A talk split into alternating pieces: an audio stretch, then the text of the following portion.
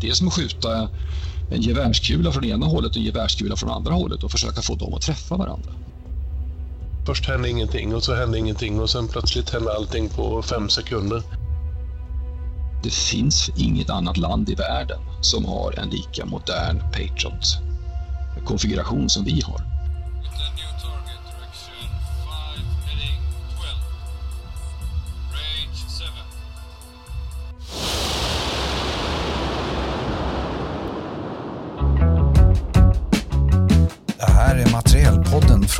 FMV, Försvarets materielverk. Idag om en av de största satsningarna på försvarsmateriel som Sverige har gjort inom arméområdet. Patriot. Luftvärnssystemet som ska hjälpa till att skydda svenskt luftrum från mycket snabba robotar.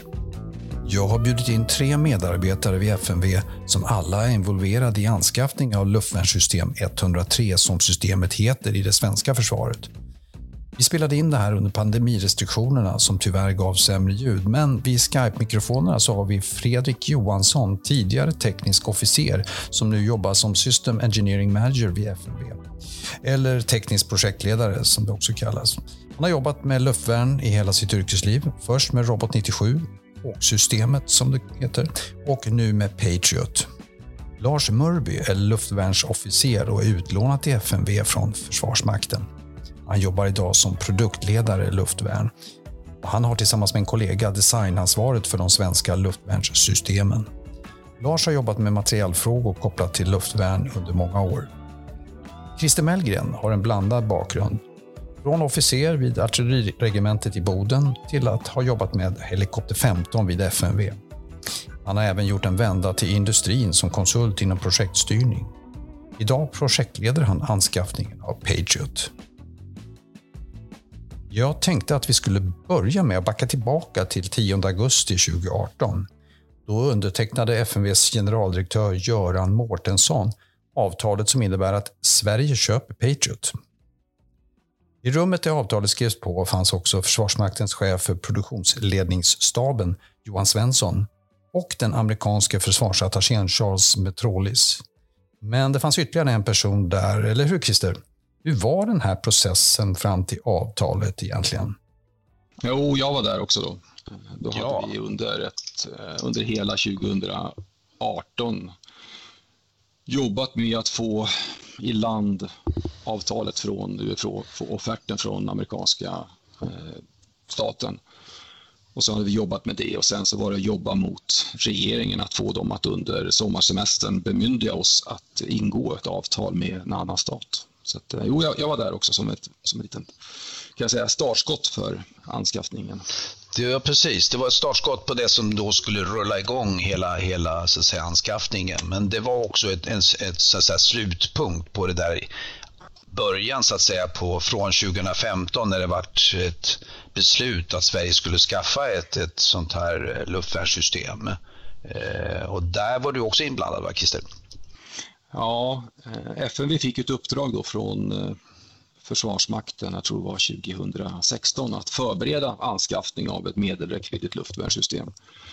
Och då gick jag, kom jag till luftvärnsenheten och eh, tog ansvar för att börja jobba som förhandlingsledare mot Frankrike, Italien, England för att titta närmare på och försöka komma fram till ett, ett avtal, ett multinationellt avtal mellan de här länderna för att kunna, för att kunna möjliggöra anskaffning av det fransk-italienska eh, systemet.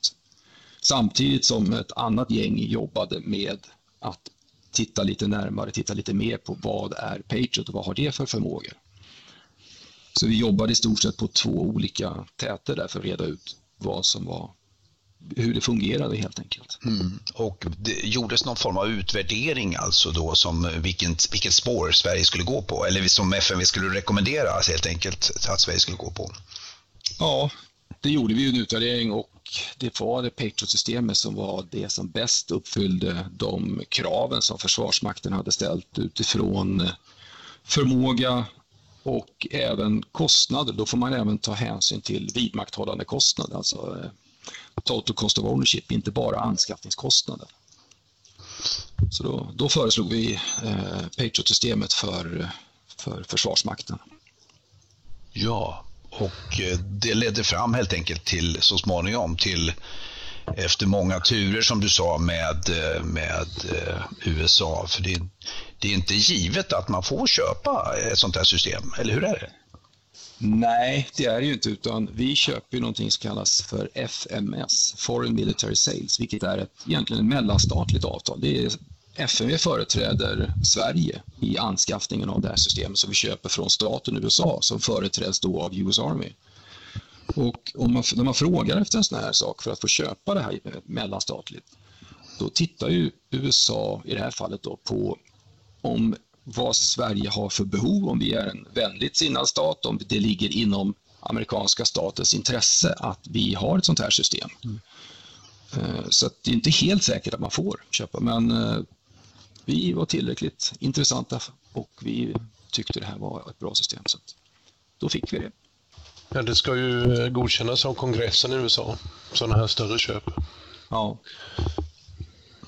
Så att det, eh, det vandrade upp i kongressen alltså för beslut då ja? Ja, innan, när vi skickar över en offertförfrågan, vilket vi gjorde i november 2017, så innan US government skickar över en, eh, en offert till oss så måste det gå upp till kongressen där, man, där de sa att Sverige vill köpa så här många eh, eldenheter, så här många robotar för den här totala kostnaden.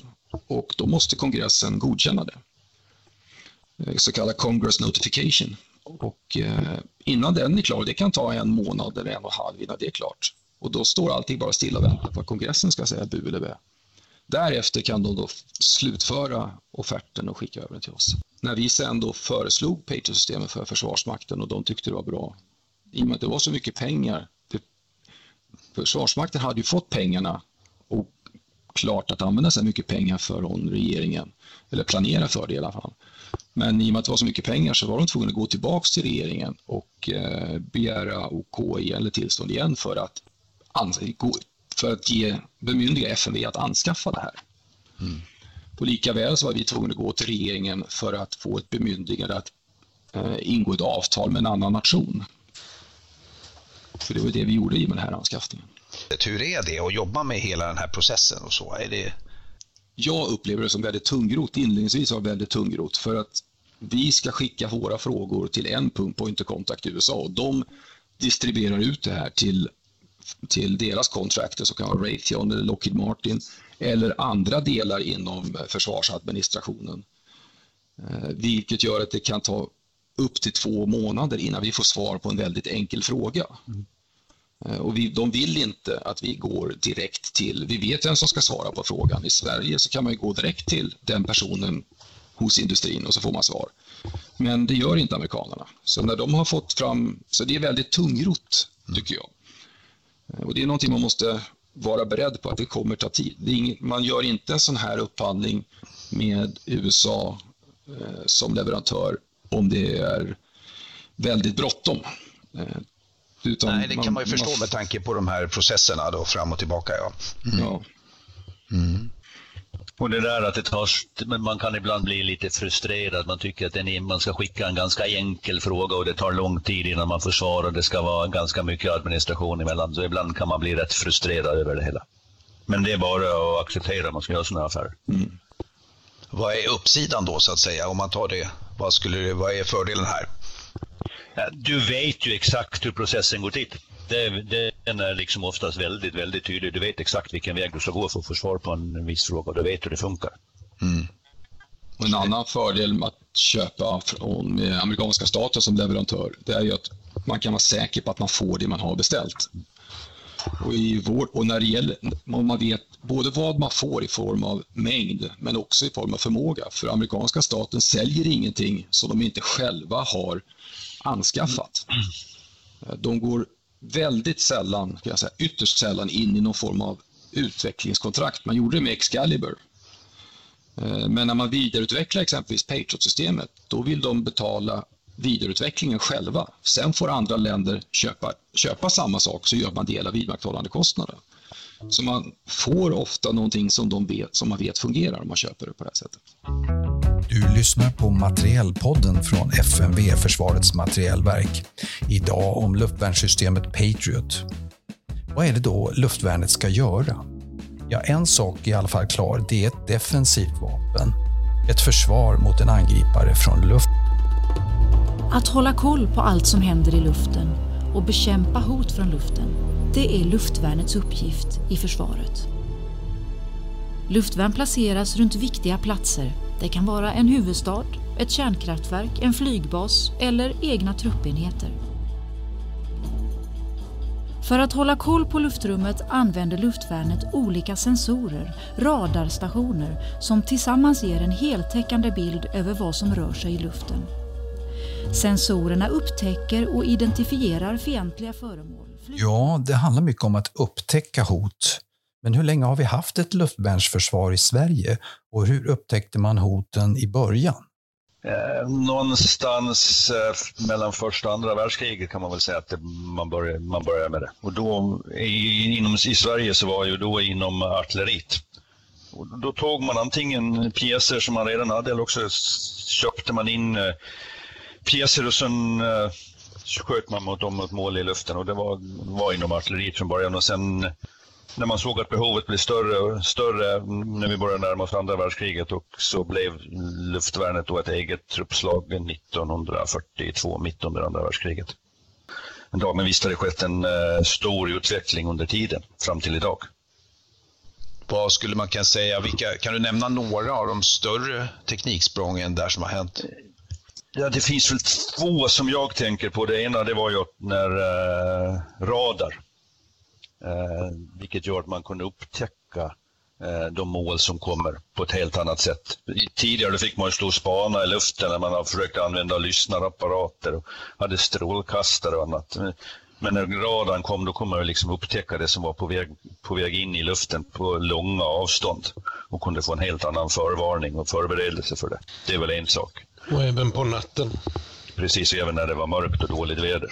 Uh, och det andra jag tänker på det var när man börjar, börjar att man kan styra det man skjuter iväg. Men från början då var det ju eh, kanon, en kula som du sköt iväg. När du väl sköt iväg den så gick den ju dit och hade... Ja, i den banan som den hade så att säga. Mm. Precis. Uh, i, sen kom man underfund med att börja göra de här styrbara. Så idag har vi ju robotar som är styrbara. Där du kan styra mot målet på ett helt annat sätt. Och det finns ju även idag ja, viss ammunition man kan styra också. Kan man säga att det idag är ett högteknologiskt eh, system det här? Definitivt. Det är en sån här raketforskning vi kommer. Det är det ja. För vad, kan, vad, är, vad är det som gör att det blir så, så vad är det för komponenter som gör det här att det blir så komplicerat, komplicerat så att säga, tekniskt avancerat? Man kan jämföra det här med, eh, egentligen med det flygande Gripensystemet och hela alla ledningssystem och spaningssystem som finns kopplat till den, inklusive vapensystemet.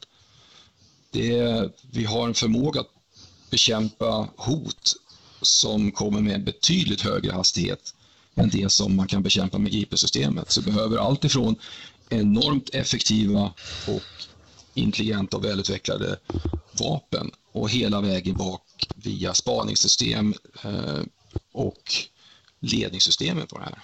Robotarna går ju eh, hiskeligt fort nu för tiden och även målen kommer emot den med en väldig hastighet. Så det måste gå eh, oerhört fort och det är svårt att uh, träffa men uh, det lyckas vi med ändå. På väldigt små mål som kommer ofantligt fort. Så kan systemet hitta det och uh, oskadliggöra det så att säga. Ja. Mm. Ja, det är fantastiskt. Det, man förstår inte, jag, som lekman förstår jag inte hur det här går till, men, men det, det, det, det funkar ju tydligen. Man kan inte jämföra den ena. Vi har köpt två typer av robotar. Den ena typen har väldigt liten spräng effekt i sig. Tanken med den roboten är att den ska fysiskt träffa det inkommande hotet. Och genom den kinetiska anslagsenergin då mellan de här två slår varandra så slår man sönder eh, den inkommande ballistiska missilen. Och då kan man tänka på att den inkommande ballistiska missilen Rätta mig nu om jag har fel, Fredrik och Mörby, med att den kan komma in med 57 gånger ljudhastigheten. Och den roboten som man skjuter iväg vid träffögonblicket så kommer den kanske mellan 3 och 5 gånger ljudhastigheten. Mm. och med de hastigheterna som går mot varandra ska de fysiskt träffa varandra i luften. Det är som att skjuta en gevärskula från ena hållet och en gevärskula från andra hållet och försöka få dem att träffa varandra. Så just det här med att man och väldigt ofta har väldigt kort tid på sig att reagera. Det vill säga, det är ingen, det vi får ju inte reda på lång tid i förväg att det här kommer, utan det blir oftast väldigt, väldigt korta tidsförhållanden när vi ska göra det här. Det här är Materielpodden från FMV, Försvarets materielverk. De lufthot som kan komma vid ett angrepp på Sverige idag kommer alltså med mycket hög hastighet. Men vilka är de? För 25 år sedan var attackflyget tvunget att flyga nära sitt anfallsmål för att kunna avfyra sina vapen. Nu avfyras attackrobotar på långa avstånd och går med hög fart och precision mot sitt mål. Bombflyg verkar från hög höjd och kryssningsrobotar kan avfyras på mycket långa avstånd och flyger ofta mot sina mål på låg höjd. Taktiska ballistiska missiler skjuts på långa avstånd, upp till 500 kilometer och kommer mot målet i mycket hög fart och i det närmaste rakt uppifrån. Det är alltså de ballistiska robotarna och kryssningsrobotarna som är de stora hoten idag. Kryssningsrobotar är ju ett uh, stort hot och även nu med, doktor, med, med taktiska ballistiska missiler. Det vill säga det är, det är inte plattformen, flygplanen du ska skjuta på utan det är de vapen som har skjutits från olika ställen. Det är det, det är det, man måste kunna klara av idag. Det är de svåraste. Klarar vi det så kan vi skjuta ner flygplanen också om de skulle komma. Mm. Det är två olika typer. De kryssningsrobotarna är en typ av hot som är svåra att skjuta ner. Och sen har vi de eh, eh, taktiska ballistiska robotarna som är ett annat typ av hot som kräver andra typer av eh, system eller annan typ av, eller annan förmåga. Det är inte säkert att man med kan skjuta, bara för att man kan skjuta kryssningsrobotar kan man per automatik skjuta ner ballistiska robotar. Det är inte säkert. Även om Patriot med samma robot klarar av att fixa båda målen. Det är ju nu för tiden ofta så att det finns inte ett system som klarar allt utan eh, man får ha en mix av eh, lite olika system. Och eh, nu i Sverige har vi ju löst genom att ha eldenhet 98 för de lite mer nära målen och kryssningsrobotar framför allt. Och så har vi eldenhet 103 mot taktiska ballistiska robotar och mål långt bort. Men eh, LV-system 103, Patriot klarar ju även av kryssningsrobotar. Men eh, vad, vad, jag förstod så, så Patriot lanserades redan i början på 80-talet i, i, USA, eller infördes där i, i, den amerikanska armén. Vad är det som gör att det kan vara aktuellt fortfarande? Man har under årens gång uppgraderat det här väldigt mycket. Eh, utseende, på utsidan ser det väl kanske ungefär likadant ut. Men man har uppgraderat både ledningssystemmässigt, man har gått över och uppgraderat framförallt radarsystemen och även robotarna. Så att radar, det Sverige har idag är det absolut senaste. Det finns inget annat land i världen som har en lika modern Patriot-konfiguration som vi har. Det är till och med så att det finns bara ett fåtal eldenheter i, eller ett fåtal förband i USA som har samma samma nivå på eh, Patriot-konfigurationen som vi har. Så att eh, det här är absolut senaste som finns. Så att man kan säga att systemet har, har följt med sin tid och utvecklats så att säga, hela tiden då? Ja, det har utvecklats eh, över tiden och allt eftersom hoten har utvecklats har även Patriot-systemet utvecklats. Den här senaste versionen som, som Sverige har fått, då, då, vad är det i den? Kan man, kan man säga något om det? Vad är det som skiljer? I ledningssystemet så är det framförallt presentationstekniken som har eh, uppgraderats. Istället för att ha gröna bokstäver på en skärm så är det 3D-värld som i vilket dataspel som helst egentligen. Och eh, i eh, roboten så är den, eh, den senaste versionen som vi har en extra lång räckvidd framförallt mot ballistiska robotar så att man kan ta dem så tidigt som möjligt jämfört med de tidigare varianterna. Sen har ju eh, radarn uppgraderats kraftfullt bara för att få längre räckvidd, Du kan styra den beroende på vilken, var du vill titta. Om man vill titta framför allt efter ballistiska robotar så kan man styra all sökenergi och i den riktningen, i den, de områdena den kommer ifrån.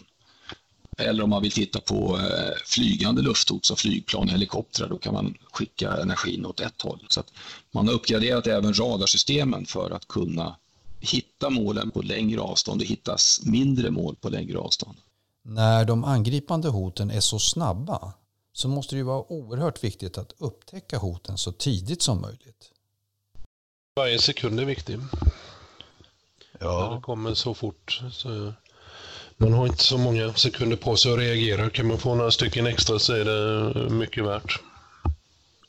Man kan säga att en taktisk ballistisk robot, den, eh, när den kommer mot oss, så på 10 sekunder har den förflyttat sig eh, stort sett 16 mil.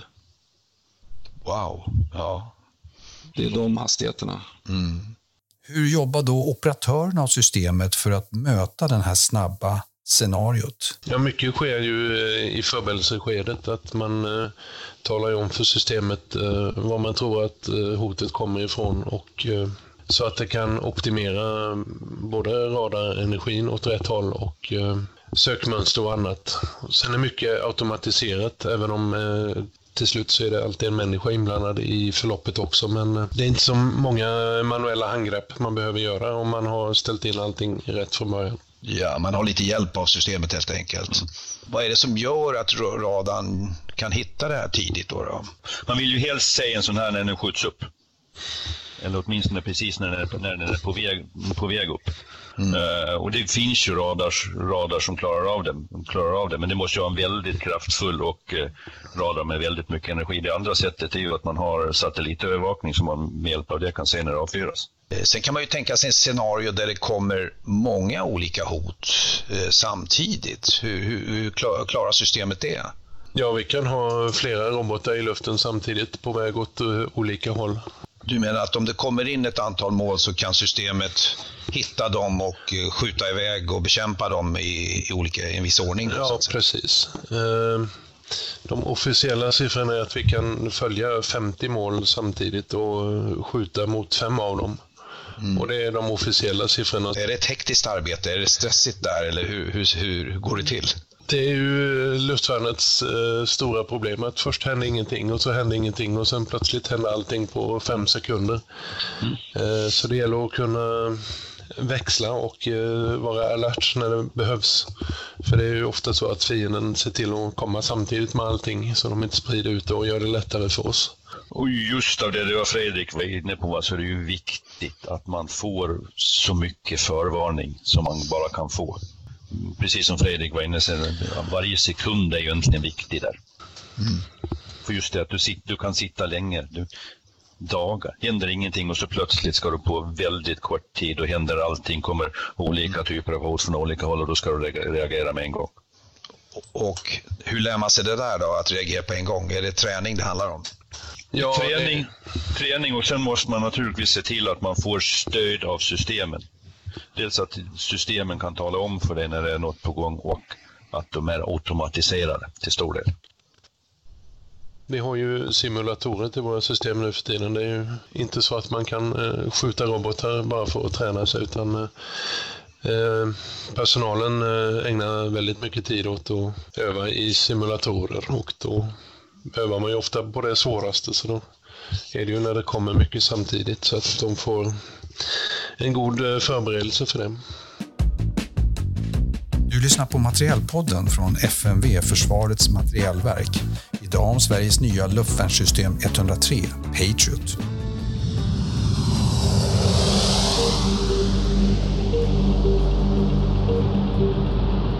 Och när jag ser de här flygplanen, då vet jag också att jag kan rapportera till min chef, som snart kommer att besöka detta, att vi levererar enligt plan. Och det är ett mycket stort samarbete mellan FMV, Försvarsmakten, många delar inom Försvarsmakten. Det här är ett riktigt projekt för Sverige och Sveriges försvarsförmåga. Vi hör arméchefen Carl Engelbrektsson stolt berätta i samband med att systemdelarna började komma in till Sverige. Men hur svårt är det här projektet? Är det inte bara att skruva ihop och leverera? Vi fick ju de första huvudsystemenheterna, alltså lavetter, radar och eh, ledningshyddorna eh, fick vi då med komflygande med C17-plan. Men att amerikanarna har ju beställt det här från eh, huvudsak Raytheon, men även lite från Lockheed Martin. Då, och elverken som driver de här sakerna, de kommer från ett företag i Tyskland och det kom också hit till Sverige. Så att man har aldrig testat hela funktionskedjan utan man har bara gjort leveranskontroller, alltså factory acceptance test. Alltså tillverk kontroller vid tillverkningen av det här. Och det här när de kommer till Sverige, då vill amerikanarna, det ingår i deras åtagande. De ska koppla ihop alltihopa. De ska räkna över att all materiel finns. De ska koppla ihop systemen och även titta på systemen, eh, att systemen som sådana funkar. Sen helheten, att det funkar på det sätt de har upphandlat det. Och den processen, så kallade SICO, System Integration Checkout, tar ungefär åtta veckor att genomföra nu första gången. Då vill de stå, eh, använda radarn, lysa med radarn, koppla upp lavetterna mot övningsrobotar. Alltså inte övningsrobotar som man kan skjuta iväg utan övningsrobotar som har en intelligens i sig som gör att de beter sig som en riktig robot. Som man kan se om man har skjutit den eller inte. Hela den här funktionskedjan vill amerikanerna testa och det har tagit sin lilla tid. Och sen vill de också kontrollera att inte saken har gått sönder på vägen hit. Från det att de kontrollerar vid fabrik tills dess det har kommit till oss så har det kanske tagit en, tre, fyra, fem månader. Så då vill de kolla att det inte har hänt någonting på vägen. Mm. Utan att när de är klara då kan de säga nu fungerar det här systemet precis så som det är tänkt. Och här har ni manualerna och instruktionsböckerna till det. Hur gick det där, den där psykotesten? Hur fick, vi, fick det godkänt? Ja, det gick jättebra. Eh, amerikanerna var supernöjda med det stödet som eh, FMV, framförallt eh, TOE, FMV TOE, men även regementet gav till dem. Vilket gjorde att man klarade av det på betydligt kortare tid än man hade tänkt sig. Och de, som en amerikan sa, att eh, det här, de sa att det här, vårt stöd till dem var helt outstanding. Och den radarn, de har ett så kallat uthållighetstest på radarn där den ska stå och belysa, lysa minst åtta timmar utan några fel överhuvudtaget. Och de sa att det normala fallet är väl att det brukar alltid vara något fel som de måste fixa till eller korrigera. Men i fallet med vår första radar så var det inga fel. Det gick jättebra första gången de körde med den, så de var helt ja, de, var, de var lyriska egentligen över hur bra allting fungerade. Och vad var anledningen till att det, att det funkar så bra då, skulle du säga?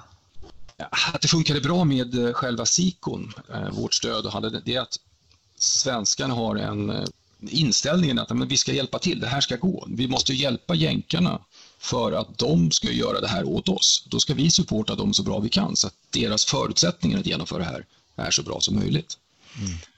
Mm. Och sen det är också att vi att Försvarsmakten med Lv 6 stöttade jättemycket på ett bra sätt. De var hungriga, de ville hjälpa till och de hade förmågan att hjälpa till. Vilket gjorde att det, alltihopa flöt på väldigt bra. Tidsplanen man gjorde upp från början när vi skrev kontraktet 2018 har i princip eh, hållit hela vägen.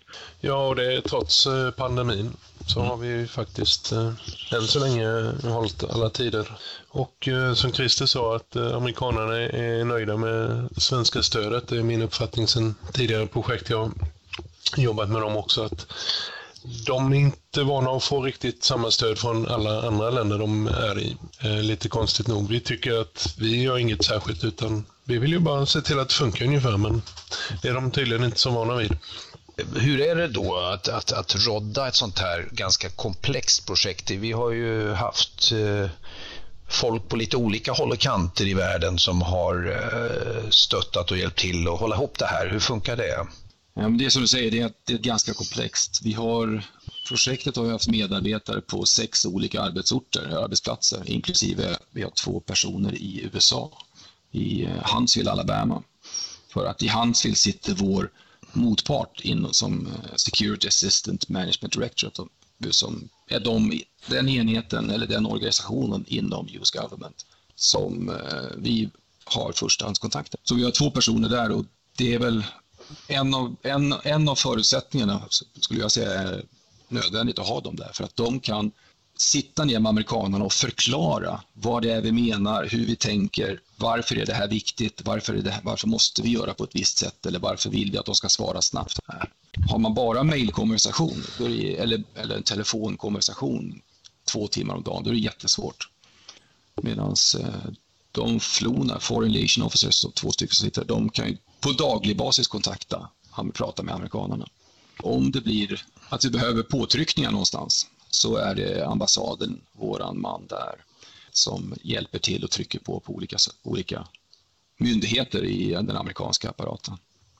Det som gör att det är lite komplext här också, det är inte bara leveranser utan de amerikanerna som är här och genomför den här SICON, System Integration Checkout, de är, blir i Sverige så pass länge totalt sett och de måste ha uppehållstillstånd och arbetstillstånd i Sverige. De måste få personnummer i Sverige för att kunna få vara under den tiden. Samverkan med Skatteverket, Migrationsmyndigheten för att lösa ut de här grejerna eh, är en stor del och en förutsättning. För hade inte det löst sig, då hade inte de kunnat vara här så länge. Då hade man inte kunnat lösa SIKO. Och i och med att det är så enormt mycket materiel som kommer så skeppas det på olika sätt. Viss materiel har amerikanerna ansvar för att skicka till någonting som kallas för Comsec Custodian. Kryptomaterial och eh, annan signalskyddsmaterial. Precis. För det ingår här och det skickas då till amerikanare som är stationerade i Stockholm på FMV. Och sen kvitteras det ut därifrån och så transporteras det ner till Halmstad. Annan materiel är stor och bulkig som inte vi kan ta på fartyg eller annat sätt. Då flyger vi över det med C-17-plan som vi beställde. Annan materiel kommer med båt till olika hamnar eller med kommersiella transportflyg till Arlanda. Och alltihopa det här ska sys ihop så vi får materielen på rätt plats. Och det är sådana enorma volymer så vi kan inte vi, vi är tvungna att hyra särskilda lokaler för att kunna ställa in all materiel och göra överräkningar för det får inte rum någon annanstans. Du lyssnar på Materielpodden från FMV, Försvarets materielverk. Idag om Sveriges nya luftvärnssystem 103, Patriot.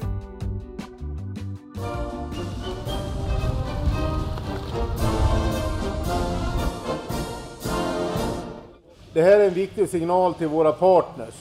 Att vi tar den säkerhetspolitiska situationen på allvar och att vi gör någonting som rejält höjer förmågan.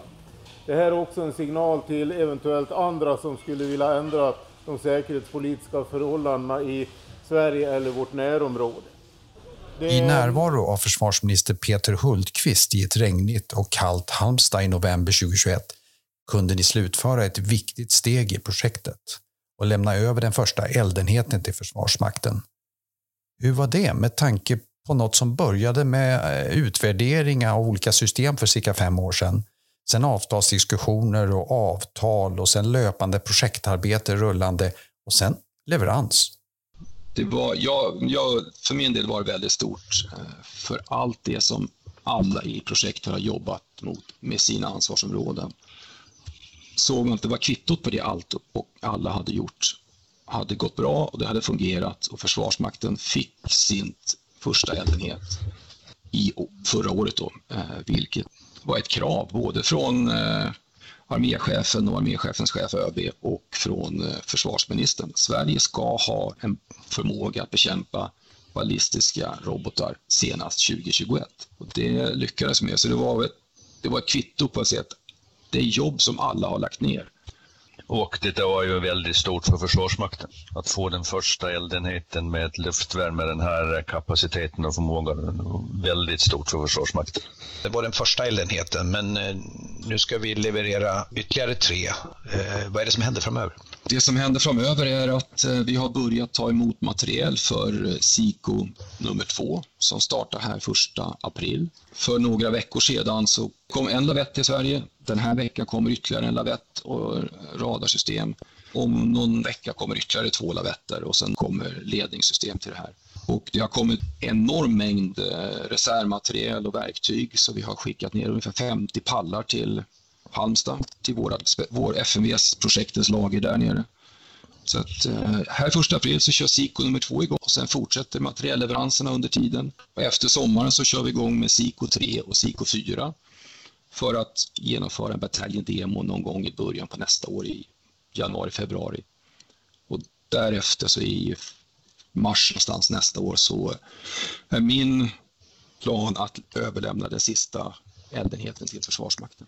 Sen är det ju ett, eh, är ett annat projekt som löper det parallellt för att sy ihop de andra bitarna. Ja, precis. Eh, det är vad vi kallar fas 2 i medelräckviddigt luftvärnsprojektet där sensorer och ledningssystemen anskaffas. Det har ju påbörjats eh, så att de går parallellt. Det påbörjats lite efter fas 1 men slutleveransen ska ju fungera tillsammans så småningom.